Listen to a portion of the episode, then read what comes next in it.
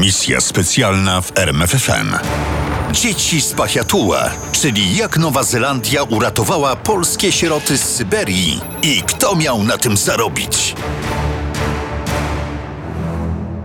17 września 1939 roku. никогда больше не появится над этими землями, ставшими отныне свободными. Ten dzień przeszedł do historii jako dzień agresji radzieckiej na Polskę. Dzień później zaczęły się wywózki ludności na wschód. Ale historia zapamiętała te największe w lutym i kwietniu 1940 roku. Ilu Polaków wywieziono? Dawniej szacunkowe obliczenia historyków oscylowały w granicach miliona 500 tysięcy ofiar. Ale kilka lat temu tę liczbę drastycznie zredukowano do 500 tysięcy. Które szacunki są bliższe prawdy? Nie wiadomo. Są to jednak liczby ogromne, za którymi kryją się osobiste tragedie. Tragedie matek, ojców i dzieci. Bo w ślad za Polakami szła przez Syberię śmierć, a śmierć nie patrzy w metryki. W rezultacie tych tragicznych żniw zostało wiele sierot, którymi trzeba było się zaopiekować.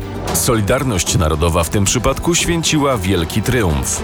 Obcy troszczyli się o te dzieci jak o swoje. Często do pomocy dołączali się autochtoni, głównie Rosjanie i Kazachowie. Oni jak nikt inny rozumieli tragedię Polaków, przecież i ich dosięgnął terror Stalina. Latem 1941 roku, kiedy podpisano układ Sikorski-Majski, a Anders zaczął tworzyć armię, dla setek tysięcy Polaków pojawiła się nadzieja. Przetrzebione dwuletnią katorgą strzępki rodzin ruszyły na południe pod skrzydła wojska. W kilka tygodni obok obozu wojskowego wyrósł drugi, znacznie większy obóz tułaczy. W nim zabrano kobiety i dzieci. Okazało się jednak, że stary wróg, mimo huczącej propagandy, pozostał wrogiem. Nie udało się zniszczyć Polaków pracą ponad siły. Spróbowano głodem. Konsekwentnie zmniejszane racje żywnościowe zmusiły generała Andersa do opuszczenia ZSRR. W 1942 roku w dwóch turach wiosną i latem 115 tysięcy Polaków opuściło ZSRR. Trafili do Iraku i Persji. Ale nie wszystkim udało się wyjechać. Aszchabat, jesień 1942 roku. W obozie zbornym oczekuje na wyjazd z kraju rad kolejna grupa dzieci z opiekunkami. Niecierpliwie wypatrują pułkownika Edwarda Perkowicza, szefa miejscowej misji polskiej. Kiedy nadejdzie? Kiedy wypowie tak wyczekiwane? Zbierajcie się. Wyjeżdżamy. Tymczasem pułkownik Perkowicz został wezwany w trybie pilnym do szefa placówki NKWD. Przekroczyliście uzgodnioną liczbę ewakuowanych o 9 tysięcy. Rozkazujemy wam natychmiast wstrzymać dalszą ewakuację, słyszycie? Natychmiast! Nie było wyjścia. Pułkownik poddał się rygorom radzieckiej rzeczywistości. Teraz musiał pójść do stacji zbornej, musiał stanąć wśród kobiet i dzieci z nadzieją czekających na termin wyjazdu i musiał im powiedzieć, że ewakuacji nie będzie. Płakali przez całą noc.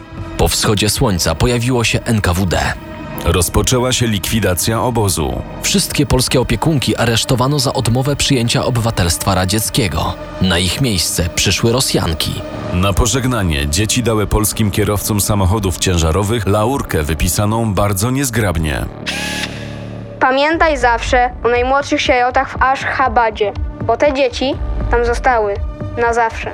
Pułkownik i tym razem zrobił co mógł. Wyrwał z pułapki Związku Radzieckiego jeszcze 110 osób, głównie dzieci. Dołączyli do swoich rówieśników w Persji. Tam korzystali z gościnności miejscowych książąt. W Teheranie i Isfahanie bogaci perscy książęta oddawali na sierocińce swoje pałace. Znalazły się pieniądze na jedzenie i ubranka. Dzieci umieszczono w dużych, luksusowych pokojach. Każde miało wygodne łóżko z czystą pościelą i szafkę. W tych samych budynkach, w których dzieciaki mieszkały, znajdowały się duże sale lekcyjne. W 21 miejscach zgromadzono około 2000 dzieci. Otwierano ochronki i szkoły, powstawały drużyny zuchów i harcerzy. Jedzenie dopisywało, dzieciom nie zabrakło owoców. Nadal pokutowały jednak obawy przed głodem przywiezione z ZSRR. Dzieci zabierały z jadalni chleb i chowały go pod poduszki. Dopiero z czasem te nawyki zanikły. Jednak problemom nie udało się szybko zaradzić. Dla wielu wygłodzonych dzieci na ratunek było już za późno. Organizm nie przyjmował pokarmów. Bywało jednak i tak, że organizm był fizycznie zdolny do trawienia pokarmów, nie starczało jednak sił psychicznych. Blokada psychiczna, bez wątpienia spowodowana traumatycznymi przeżyciami w ZSRR, utratą rodziców i rodzeństwa, była barierą nie do pokonania dla lekarzy. Ponadto nadal dawały o sobie znać choroby przywleczone z ZSRR. Tyfus, bronchit, dur brzuszny i malaria szalały nadal na gorących pustyniach Persji. Śmierć dogoniła dzieci w bezpiecznych pałacach Isfahanu. Śmiertelność była ogromna i wśród najmłodszych i dorosłych, bowiem trzeba pamiętać, że oprócz dzieci do Persji zjechali również Polacy w latach 1939-1941, wywiezieni w głąb ZSRR. Kiedy zabrakło drewna na trumny, małe dzieci zawijano w koce. Wiele tygodni musiało minąć, aby te dzieci wróciły do zdrowia fizycznego, bo psychicznego spokoju nie odzyskały nigdy. Wiele dzieci, zwłaszcza tych młodszych, ciągle czekało na powrót rodziców, mimo że wydawało się to niemożliwe. Ania miała 6 lat i nie pamiętała dobrze wybuchu wojny. Mamę straciła tam, w ZSRR. Opiekunki nie wiedziały, skąd ta mała istotka ma w sobie tyle siły i przede wszystkim wiary w to, że mama wróci. A Ania tłumaczyła to krótko. Przecież mama obiecała. Mijały dni i tygodnie, a mamy nie było. Pogrążona w półśnie, Ania spoglądała na salę. Właśnie weszły trzy osoby. Dwie były znajome. To opiekunki. Trzeciej postaci Ania nie rozpoznawała. A one tymczasem powoli przeszły wzdłuż łóżek, uważnie przyglądając się każdemu śpiącemu dziecku. Wreszcie zatrzymały się przy Ani. Mama? Nieznajoma obróciła się, uważnie spojrzała na leżące dziecko, ale mimo szczerych chęci nie potrafiła odnaleźć w tej wymizerowanej buzi nic znajomego. A jednak nagle ogarniające ją wątpliwości kazały jej poszukać pomocy u stojącej obok opiekunki. Ta tylko skinęła głową potakująco, po czym dodała. Tak, to Ania. Problem z rozpoznawaniem dzieci przez rodziców i rodziców przez dzieci był powszechny.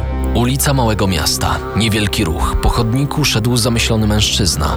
Spostrzegł go chłopiec uważnie przyglądający się twarzom każdego przechodnia. Podbiegł do mężczyzny i zaczął go szarpać za rękaw. Nie mam nic, żeby ci dać, chłopcze. Tata, czy to ty, tato?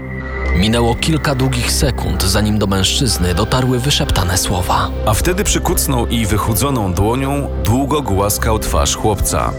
Bartek? Przeznaczenie? Cud? Przypadek? Choroby pozostawiły trwały ślad. Często dopiero pomoc personelu pozwalała na rozpoznanie bliskich. Radość mieszała się z obawami.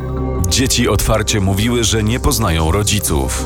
Pomimo ogromnego serca włożonego w pomoc polskim dzieciom, pomimo niebywałych nakładów pieniężnych książąt perskich, pobyt 40-tysięcznej Rzeszy Polaków w Iranie był dużym obciążeniem dla budżetu tego państwa. Pojawiła się potrzeba przeniesienia ludzi do innych kolonii brytyjskich. Dokładnie gdzie? Do Kenii, do RPA i do Nowej Zelandii.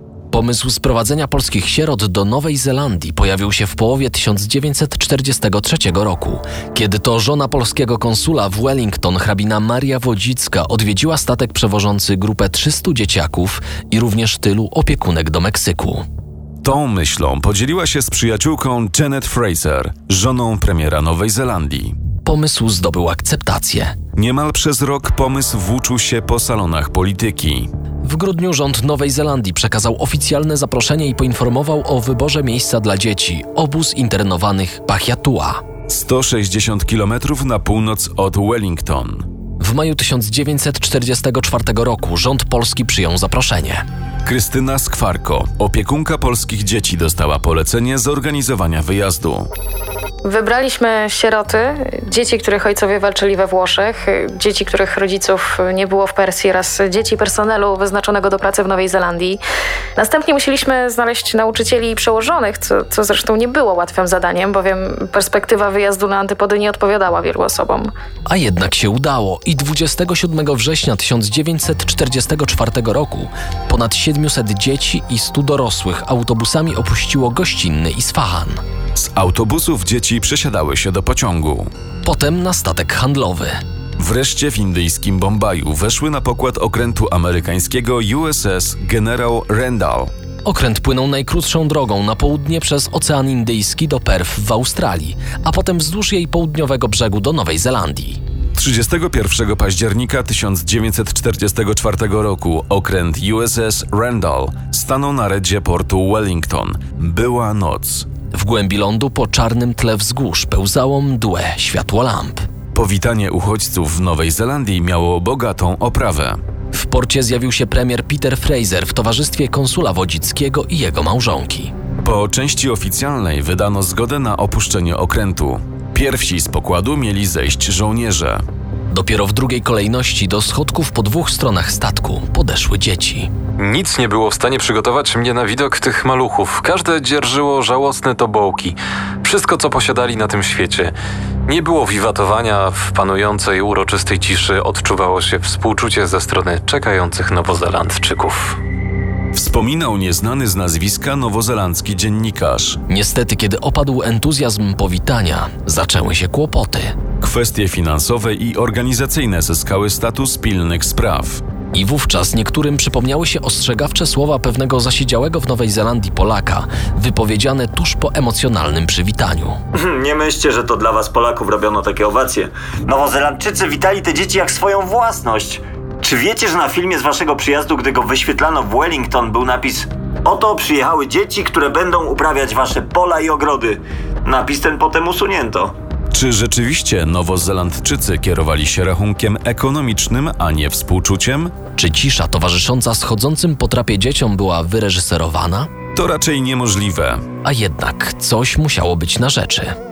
Aby obóz mógł działać, potrzebne były pieniądze na żywność, ubrania, pomoce szkolne i, co nie bez znaczenia, wypłaty dla opiekunów. W końcu z czegoś trzeba było żyć. Nowozelandczyków nie stać było na długotrwałe utrzymywanie obozu. W takiej sytuacji o sprawy ekonomiczno-organizacyjne zadbał delegat polskiego rządu Jan Śledziński. Zmniejszymy koszty utrzymania obozu, przejmując obowiązki personelu wojskowego. Sami będziemy prowadzić kuchnię, uprawę warzyw w ogródku i sami sobie posprzątamy.